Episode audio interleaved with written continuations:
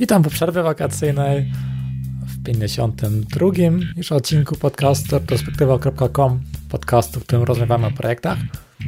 I dzisiaj porozmawiamy sobie o samochodówce, o niezależnej produkcji Electroride, projekcie rozwijanym po godzinach, który fajnie się rozwinął.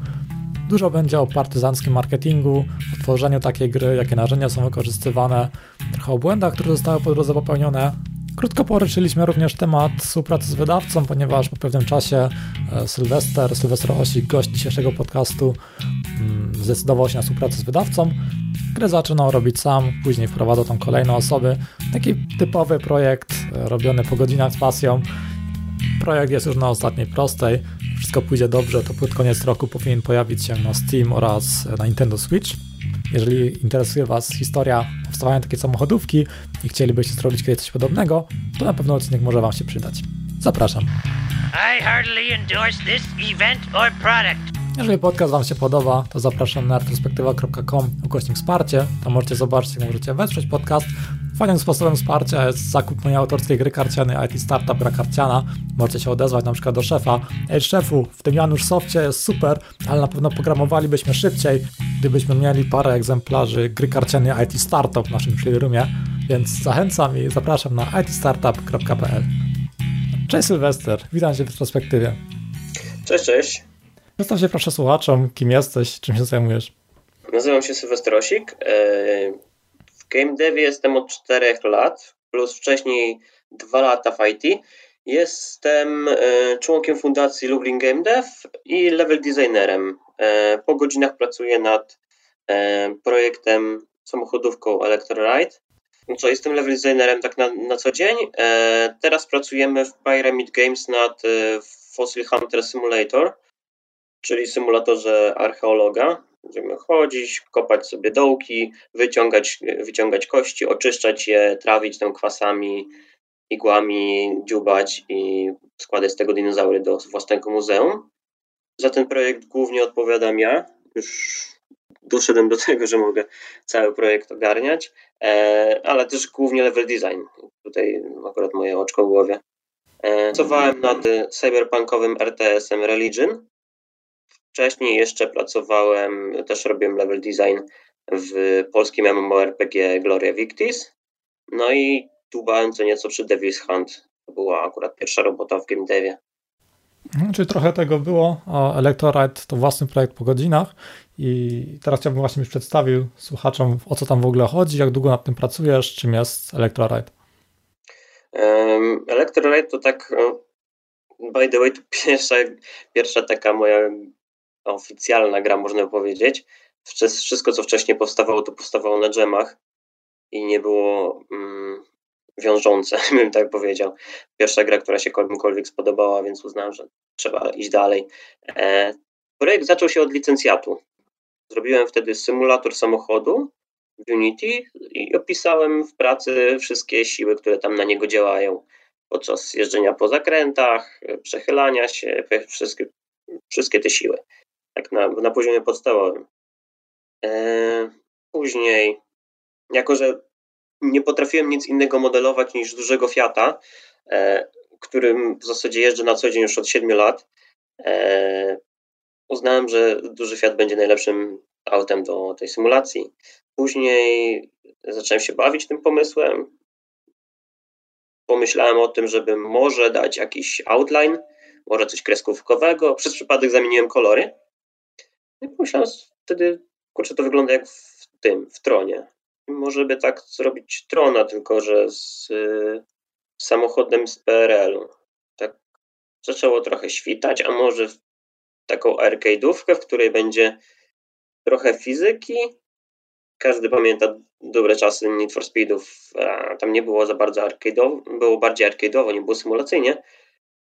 Ale okazało się później, że w zasadzie fajniejsze jest, e, fajniejsze walory są arcade'owe, gdy mamy tylko nutkę e, tej fizyki, którą możemy się bawić. No, samochodówka dlatego, że nie potrafię animować. Nie potrafiłem nigdy animować, tego się zaczęło. Czyli tam nie masz tak naprawdę żadnego grafika zewnętrznego, czy kogokolwiek, wszystko jest nie. robione przez ciebie. Od tego zacząłem. Później, e, później zaczęliśmy, nie wiem czy pamiętasz, jak e, pierwszy, pierwszy raz opisywałeś u siebie na, na kanale Electrorida. To były pierwsze screeny. A tak, tak. Wtedy tak, jeszcze pamiętam. robiłem własną grafikę. I była bardzo brzydka, bardzo low poly i tak dalej. Ale później znalazł, później do, od, odezwałem się do dwóch znajomych, którzy pracują tutaj w Lublinie też nad, nad, ten, nad różnymi projektami, głównie grafikami 3D. Zacząłem z nimi rozmawiać, ustaliliśmy, że dobra, oni zadbają o stronę graficzną i od tego czasu wszystko jest różowe, fioletowe, pomarańczowe, synthwave leci w, w głośnikach. No, za muzykę odpowiada Maciej Kulesza, yy, za dźwięki odpowiada Dawid Mika. Yy, do tego wszystkiego, wszystko to jest spięte w Fmodzie, dzięki czemu mamy, dzięki czemu możemy sobie włączać kolejne warstwy muzyki, którą Maciej zrobił i dostosowywać muzykę do tego, co się dzieje na drodze. E, z małymi opóźnieniami, bo jeszcze to wymaga doszlifowania, ale działa to podobnie jak w Wiedźmin i jego walki z... Gdy wiemy, że wchodzi gitara, to zaraz będzie walka, tak? Coś tego typu.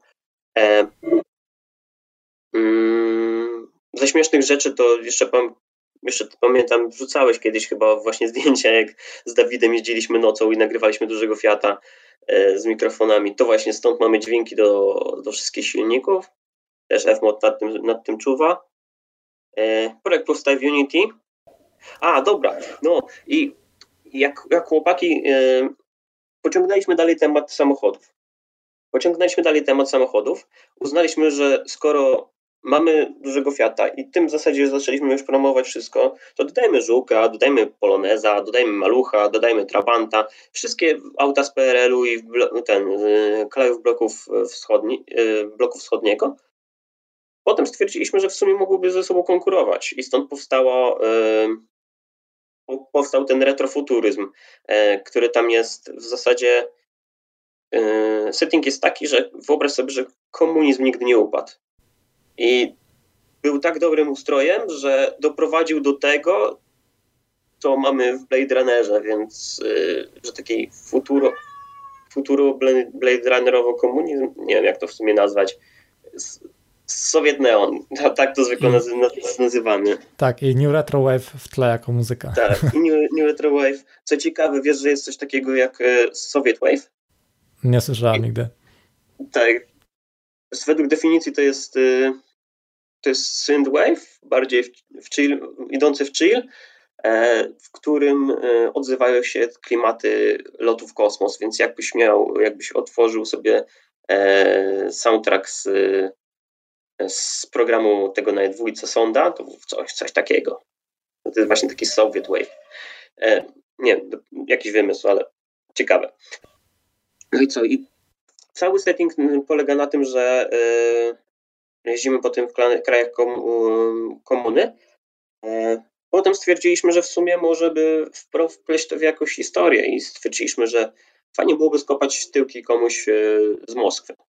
I uznaliśmy, że dobra, jest wielka korporacja, ona sobie tam, albo nawet partia, która uznała, że y, zrobi wyścigi dla ludu, tylko po to, żeby nie chcieli żadnej kontrrewolucji, prawda? Że tak jak w Rzymie, że mają swoje igrzyska, żeby nie podpiwali i mieli jakąś rozgrywkę, żeby się nie nudzili. Tak, i że, dokładnie, win, winna igrzysk. O, to o to chodziło, winna igrzysk. No i w zasadzie historia się opiera o to, że od zera do bohatera jedziemy skopać e, tyłki Rosjanom, żeby zostać e, mistrzami bloku wschodniego. Okej, okay, czy tam jest jakaś progresja, tak? Jak na przykład nie wiem, w Need for Speed Underground, że zaczynamy jakiś tam z rzęchem i go tuningujemy, czy, czy nie ma? Czy e, Bez tuningu, ale e, odwiedzamy konkretne miasta, kolejne miasta. Zaczynamy w Warszawie, jedziemy do e, Warny w Bułgarii, potem jedziemy do Pragi, do Berlina i potem do Moskwy. W każdym z tych miast, w każdym z tych miast ma swój, ma swój klimat, swoją kolorystykę, swoją ścieżkę dźwiękową. W każdym z tych miast mamy cztery trasy? Cztery trasy. Tutaj akurat musieliśmy ciąć e, i stwierdziliśmy, że zrobimy dwie nitki w tym samym settingu.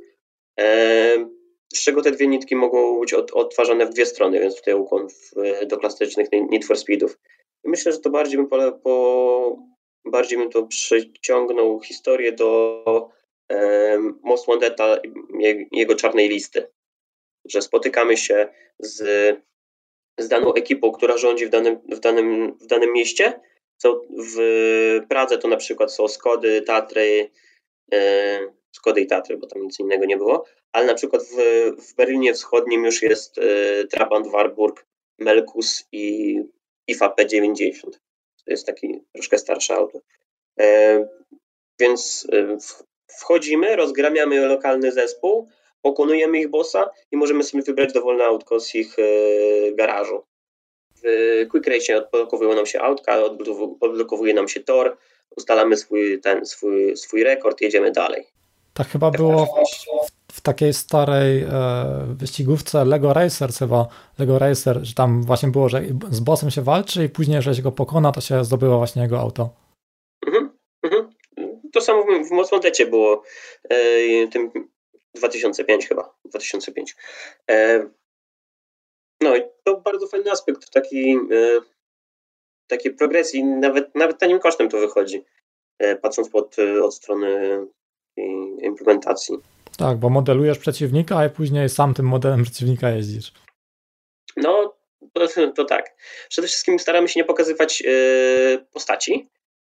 Cutscenki też będą takie mm, mroczno-neonowe i też bardzo uderzające w, plaka, w plakaty propagandowe z y, czasów właśnie komunizmu. E, niektórzy pamiętają jeszcze te, jeszcze te plakaty, jeśli nie, to sobie tam zerknął gdzieś. E, jest też parę serii komiksów, które tak oszczędzają w kolorach. Nie pokazują twarzy, pokazują tylko atrybuty. Dzięki temu możemy sporo rzeczy dopowiedzieć i można też oszczędzić na, na samych, samymi gestami możemy też operować. Dzięki temu możemy oszczędzić na, na tłumaczeniach, na, na tekstach, mhm. które nie, nie muszą być w tym miejscu.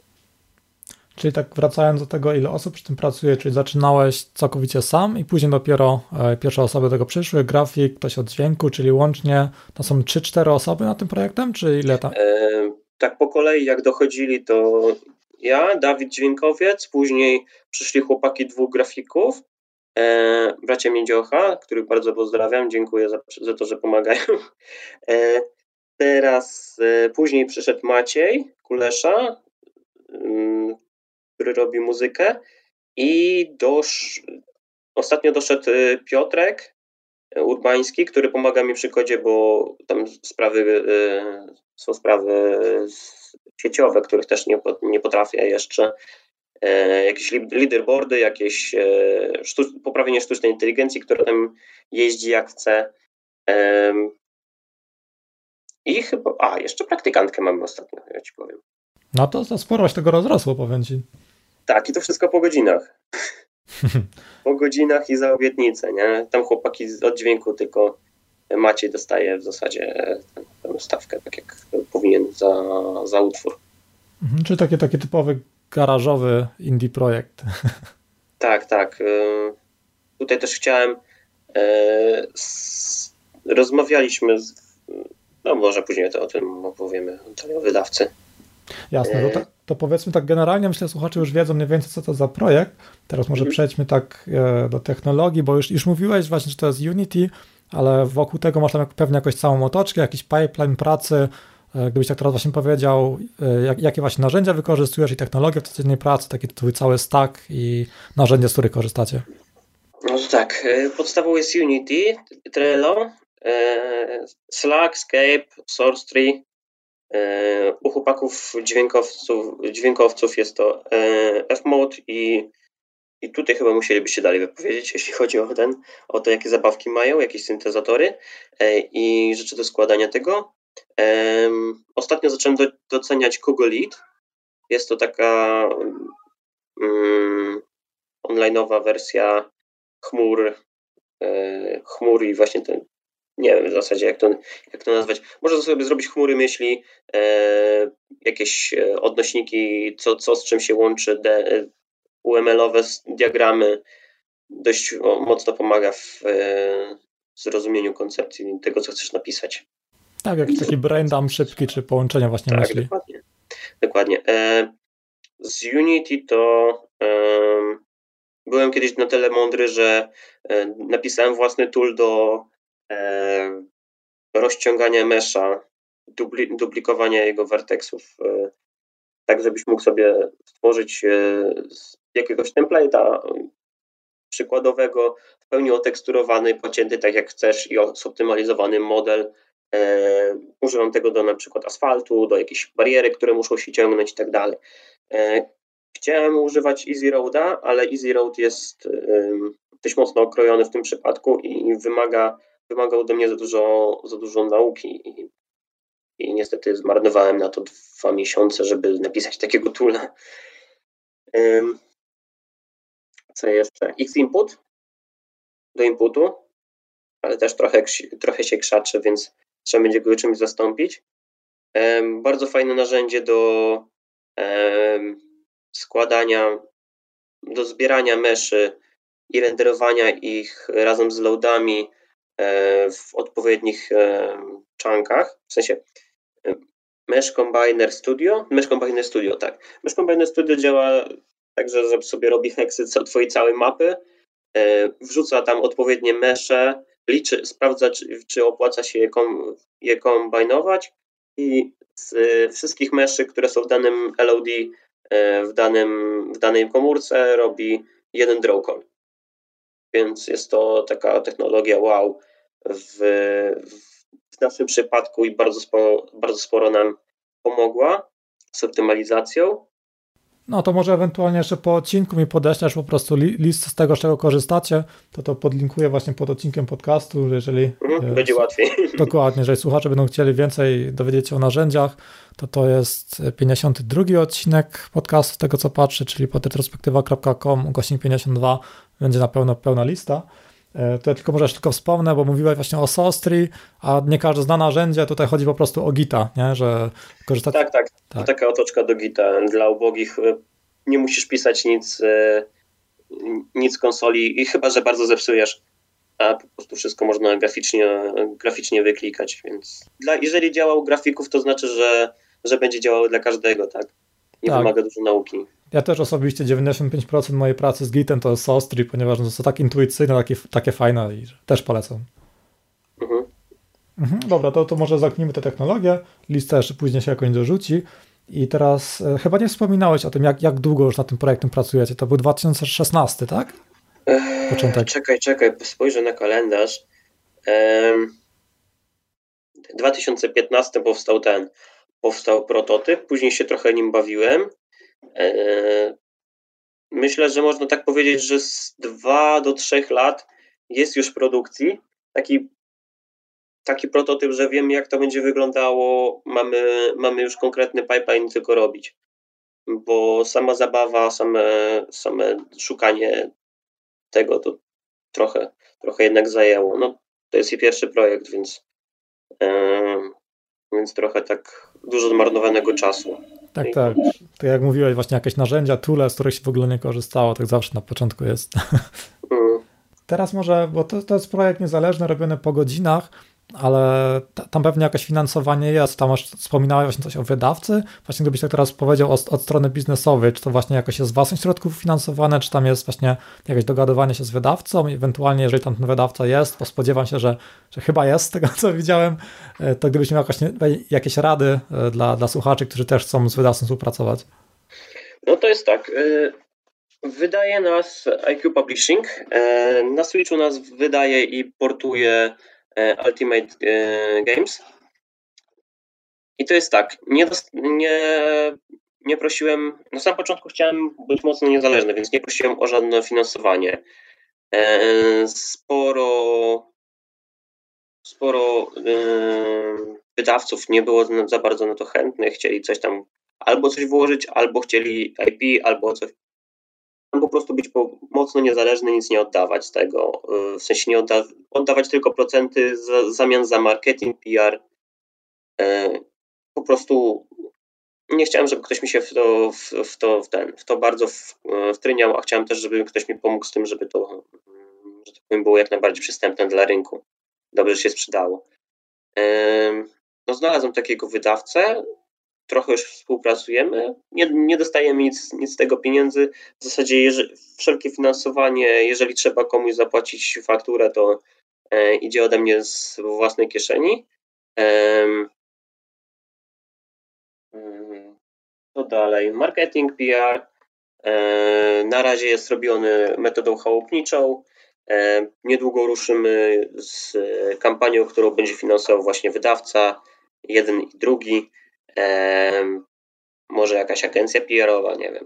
Okej, okay, czyli ta pomoc, pomoc wydawcy to jest głównie pomoc PR-owa, reklama i właśnie te, te portowanie na Switcha, czy coś tam jeszcze było? E, wystawiałem się na Digital, Digital Dragons tegorocznych z ich ramienia. E, jeszcze kiedyś na Good Game Expo miałem wysta wystawiałem się, ale to wtedy było bardzo, bardzo, bardzo e, niszowa, niszowe expo. Śmieję się, że to Pax Nadarzyn. Co tam jeszcze było? E, w tym roku jedziemy na, na ten, na PGA, więc e, można takie rzeczy dogadać. To wszystko zależy od tego, co projekt potrzebuje i czy to ma sens, bo jakby nie było, nie, wy, nie wystartowaliśmy z marketingiem rok temu czy pół roku temu, tylko teraz tuż, tuż przed e, tuż przed, no znaczy takim większym marketingiem, bo na razie e, partyzantkę robimy sami, żeby jakokolwiek e, fanbase nabić, żeby wcześniej zbudować wishlistę na Steamie, żeby to w ogóle jak, jakiś szum się zrobił, a później po prostu będzie większy szum na media. Właśnie, jeszcze można by wspomnieć o marketingu, innym, w innym kierunku. W zasadzie zastanawiam się nad tym, czy to jest dobry pomysł, mhm. e, ale można mm, odezwać się do ludzi, którzy, na, którzy są zainteresowani podobną dziedziną, o której traktuje Twoja gra. Jak na przykład Car Mechanic Simulator od, mogło się odezwać do e, mechaników, prawda? Czy do youtuberów, którzy e, naprawiają auta w garażu i to nagrywają i to wrzucają na YouTube. E, oni może, może przez przypadek są zainteresowani grami, nie? To w drugą stronę jest. Zamiast szukać kogoś, kto jest zainteresowany grami o mechani mechanice, to może mechaników, którzy są zainteresowani grami, nie? I te, też tak myślałem, że może by uderzyć do jakichś miłośników, klasyków na całym świecie i tam się promować. No to też masz znowu dodatkowe grupy facebookowe, na które możesz uderzać. Na pewno jest to więcej potencjału. Jest trochę, jest trochę. A przede wszystkim dziennikarzy e, mech, e, te, związanych z motoryzacją jest więcej. To też jest e, spory, większy, znaczy więcej, no więcej jest niż dziennikarzy growych. To może jeszcze, jeszcze zapytam o te, o te targi. Jakie tu jest twoje zda, mhm. Twoim zdaniem podejście? Czy właśnie jako taki mały, właśnie niezależny twórca czy warto w ogóle na coś takiego chodzić, jeżeli chodzi o reklamowanie gry, czy jest to głównie, spodziewam się, że jest to głównie e, takie spotkania, takie branżowe, eventy są po to, by po prostu kontakty branżowe chyba budować, nie? Czy, czy faktycznie przekłada się to w jakiś sposób na reklamowanie gry też? Czy przede wszystkim kontakty branżowe, tak jak wspomniałeś, a czy to się przekłada na sprzedaż? No na pewno zostanie, będziesz tam gdzieś wpisany, że byłeś na targach, tak? Ktoś, kto przyjdzie z synem, siądzie, zagra, bo a u kierownicy na przykład postawił, nie?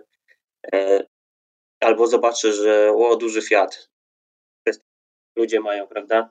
Na ulicy też mnie zaczepiają i o, duży Fiat. E, myślę, że więcej by mm, więcej by wniosło, gdybyś pieniądze, które masz e, włożyć na stoisko, włożył w marketing i to by więcej dało, ale sam nie jestem pewien tak naprawdę. Lubię jeździć na targi, dla mnie to jest po prostu e, spora masa feedbacku. Przede wszystkim możesz zweryfikować i zobaczyć, czy twój projekt działa. No bo jeżeli nikt nie zagra, nie siądą do tego dzieci, no mnie akurat w większości dzieci chcą w to grać. Nie, jeżeli ludzie do tego nie siądą, nie sprawdzą tego, jak to działa, nie, nie dowiesz się, nie zobaczysz ich uśmiechu, no to w zasadzie po co robić tą grę?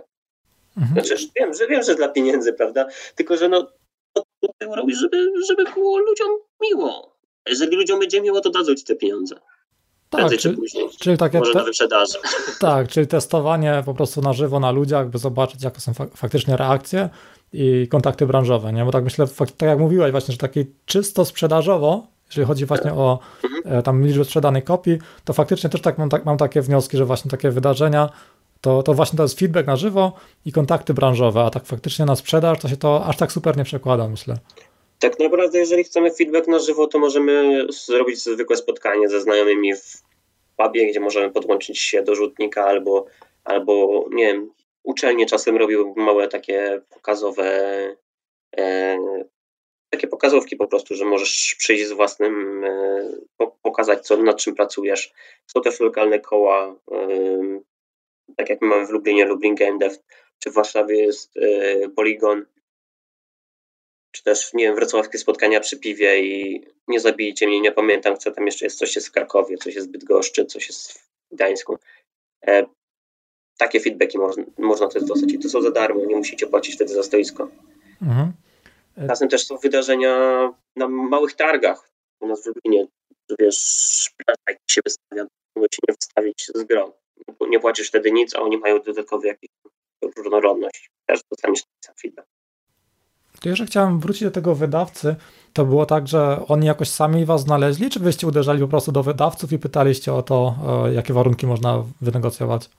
Trochę głupio byłoby się przyznać, ale yy, gdy tylko, znaczy tylko, zaczęło się robić trochę głośniej o, o grze, gdzieś tam ktoś tam wspomniał, gdzieś, tam, gdzieś się pojawiło w Google'ach, yy, to odezwali się do mnie wydawcy i wyobraź sobie, że to był pierwszy, to chyba był pierwszy wydawca, który się do mnie odezwał, ale, ale uwaga, E, to był pierwszy wydawca, który się odezwał i nie był to pierwszy, którego wybrałem. W sensie nie było.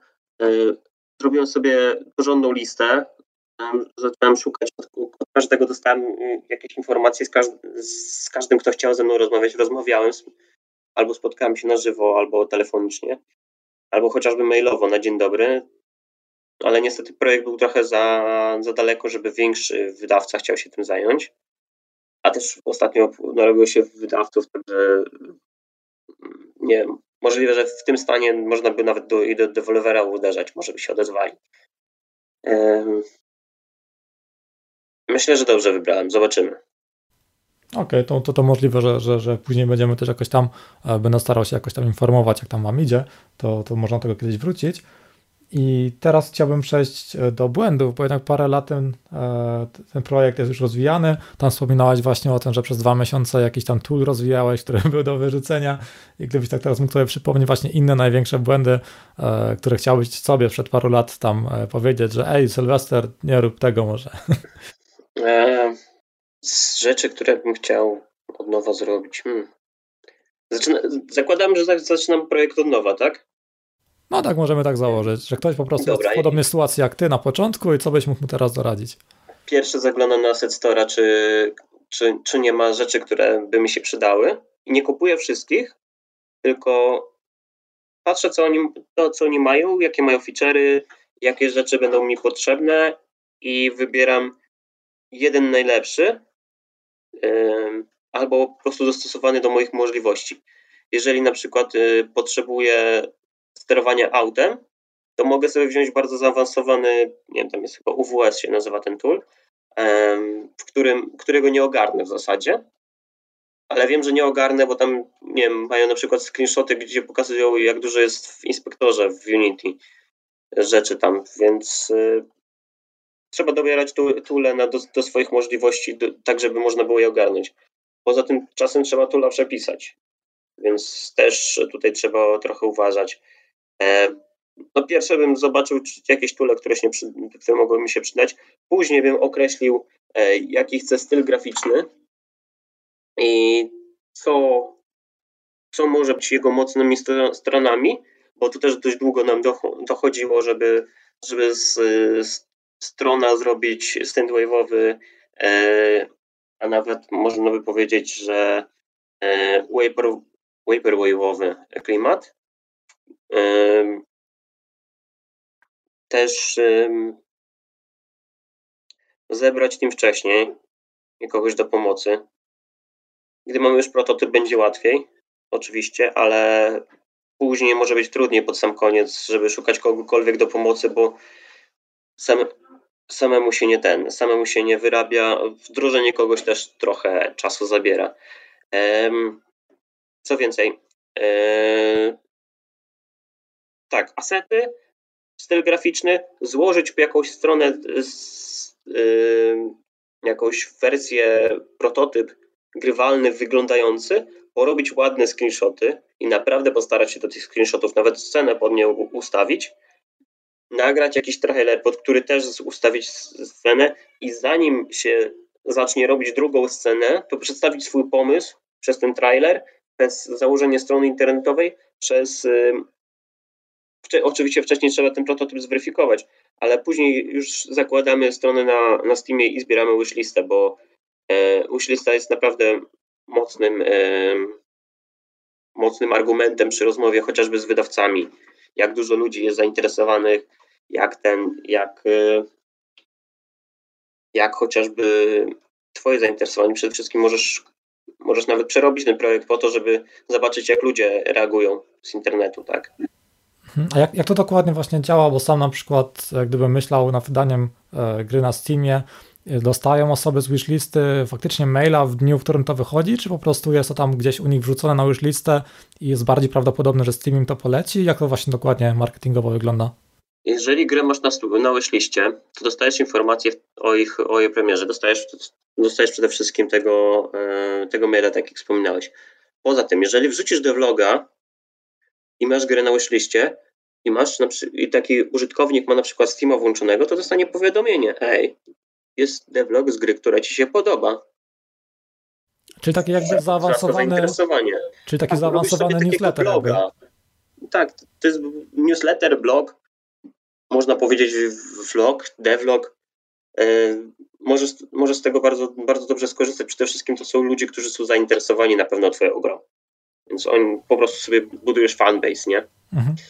Pojawiasz się przede wszystkim na listach, e, nie wiem, top wishlist i tak dalej. E, czy chociażby pojawiasz się na listach nowych, które zostały dodane, czy, czy nie wiem, na miesiąc czy dwa przed premierą jesteś rzucany na listę gier, które, e, które mają się niedługo pojawić. Więc też to jest spory, spory boost. Mhm. To, to myślę, to już, to już wszystko to jest w sumie punkty z kolejnego pytania, które chciałem, chciałem właśnie zadać o, o reklamowanie i marketing, bo tu już wspominałeś właśnie o tej o wishliście Steama, że jest to jakby taki e, newsletter, devlog w tym ekosystemie e, Steama, a mhm. z rzeczy takich e, PR-owo-reklamowych, z czego tu jeszcze korzystacie tak właśnie tak chałupniczo w takim partyzackim marketingu? No, przede wszystkim Facebook i grupy facebookowe, bo wiadomo, na grupach facebookowych e, posty dłużej wiszą i są e, bardziej odwiedzalne. Ludzie przenieśli się z, z fanpage'ów na grupy dyskusyjne. E, też trzeba uważać, w jakiej grupie co się postuje, bo można dostać ładnego bana. Twitter z hashtagami IndieDev, Screenshot Saturday, VIP Wednesday chyba jest jeszcze i jeżeli robimy przygodówkę, to jest jeszcze coś na, advent, na, na poniedziałek z, z, pod hasłem hashtag adventure coś tam. Co tam jeszcze jest? No Twitter jest bardzo, bardzo przyjaznym miejscem, też dużo deweloperów jest i warto tutaj na przykład pod, podglądać e, gry, które już, e, już zrobiły swoją markę, zrobiły swój sukces, e, robić podobne, wrzucać podobne hasztagi, tutaj jest też czasy bardzo czas, w jakim wrzucamy jest bardzo ważny, ale na Twitterze bardzo krótko wiszą posty. Cóż, ostatnio zaczęliśmy wrzucać e, timelapsy na YouTube'a. Mało się oglądają, ale zawsze.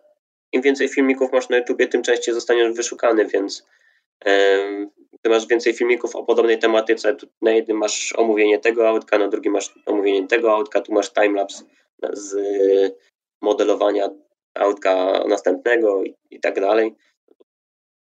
To rob, robi jakoś, jakiś ruch, ludzie, ludzie idą, e, do, do, ludzie są odsyłani do Ciebie na stronę, na Facebooka, na, na, na Steama.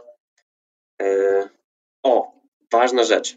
Założyć sobie stronę internetową i skonfigurować ją tak, żeby była wyszukiwalna w, w Google.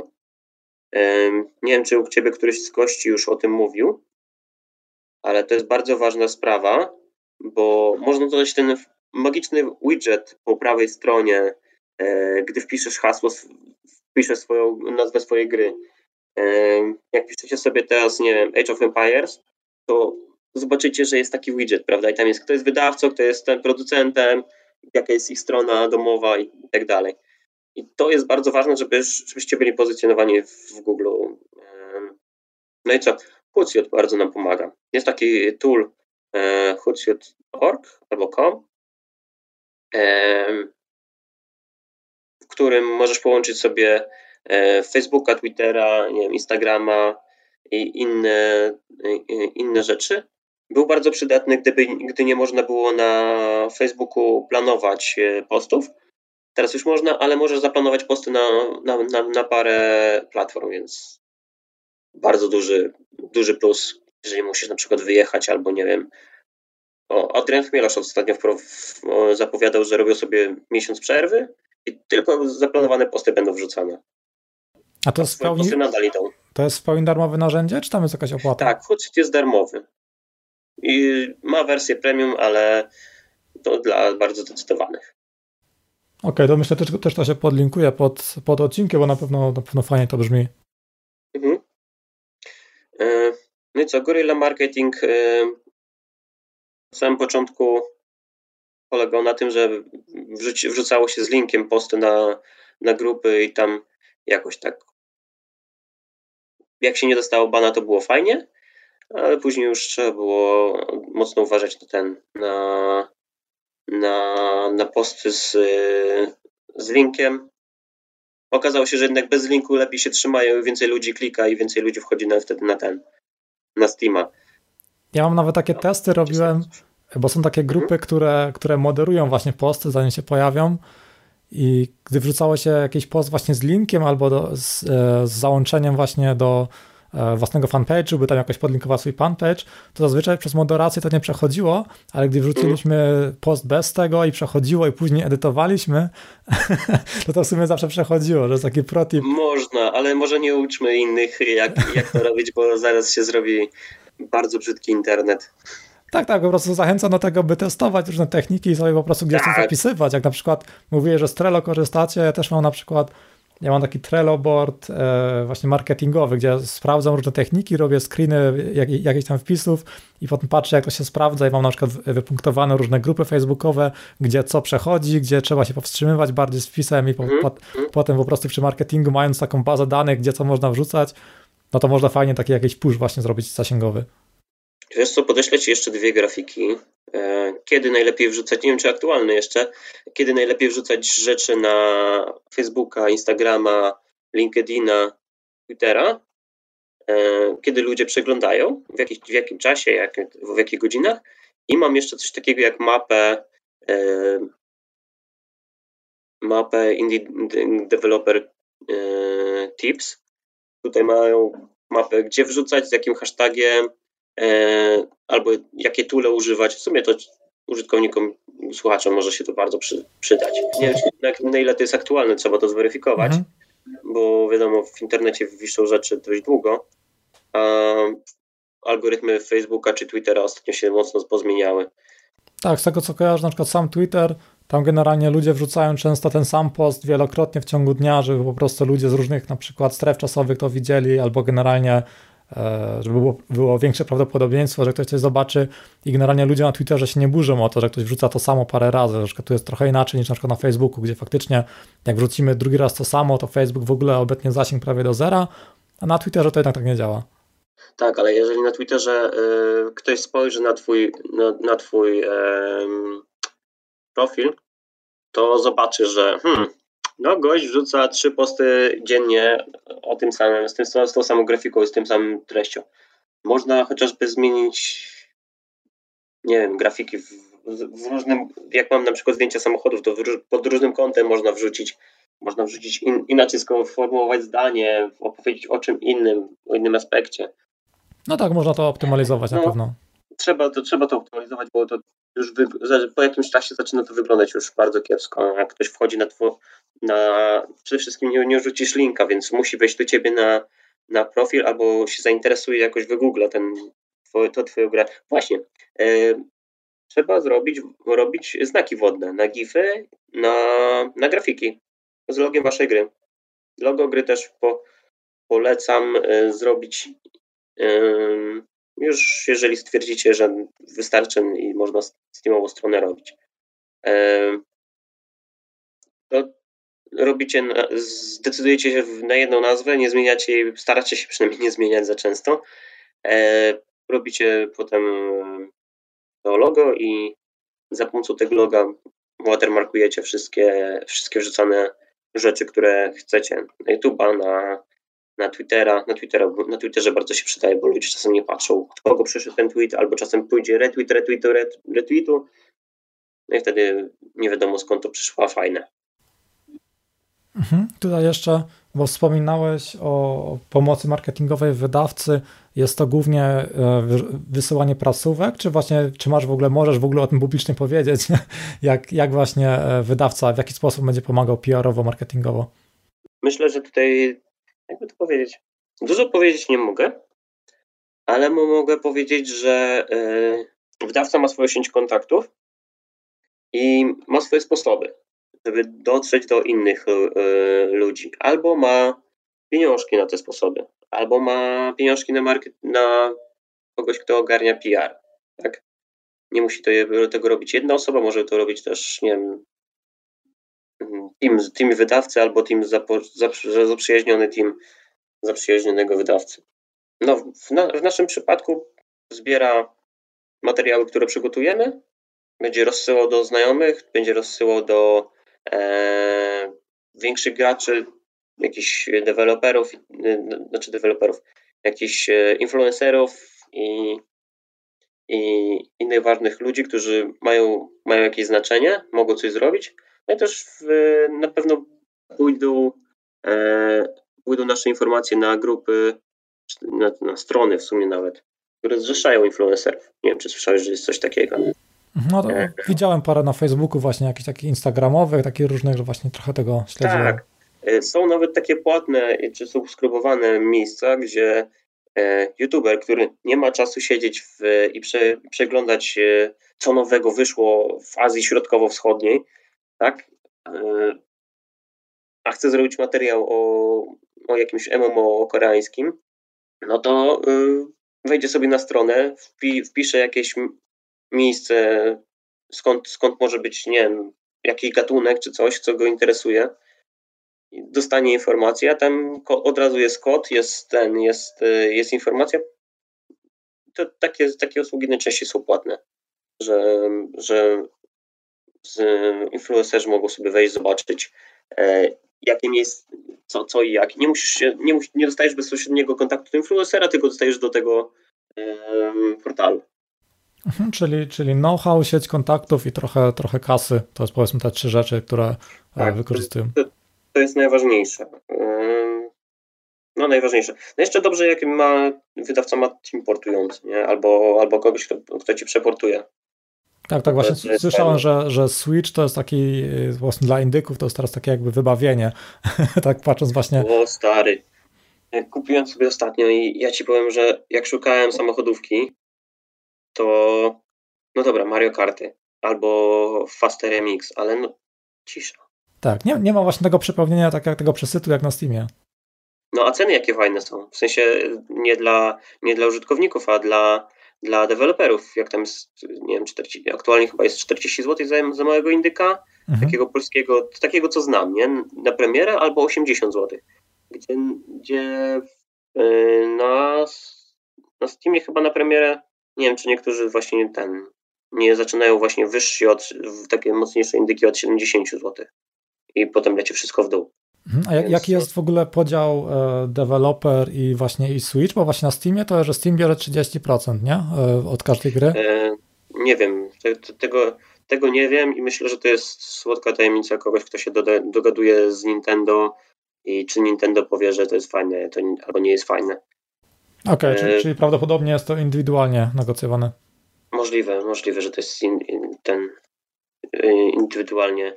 Myślę, że jeżeli znajdziesz kogoś, kto wartuje i, i, I on, on wie, czy to w MDA jest napisane, czy nie. Czy może o tym mówić. Jeżeli, jeżeli nie, nie powie, to wiadomo, że nie możesz. Mhm. Okej, okay, jasne, to wi wiadomo, że nie, nie można tego wszystkiego poruszać. Um, czyli są plany z wydaniem na Switcha, jest plan, e, wiadomo, że na Steamie, na PC. -ty.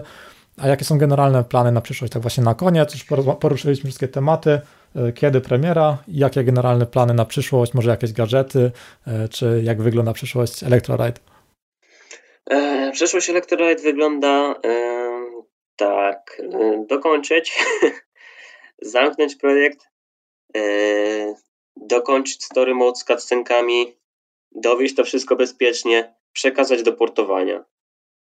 Potem update'ować, bo pewnie nie wszystko zdąży e, na premierę, czy chociażby nie wszystko zdąży nas na, na, na to, żeby tam chłopakom na deadline dostarczenia na Switcha.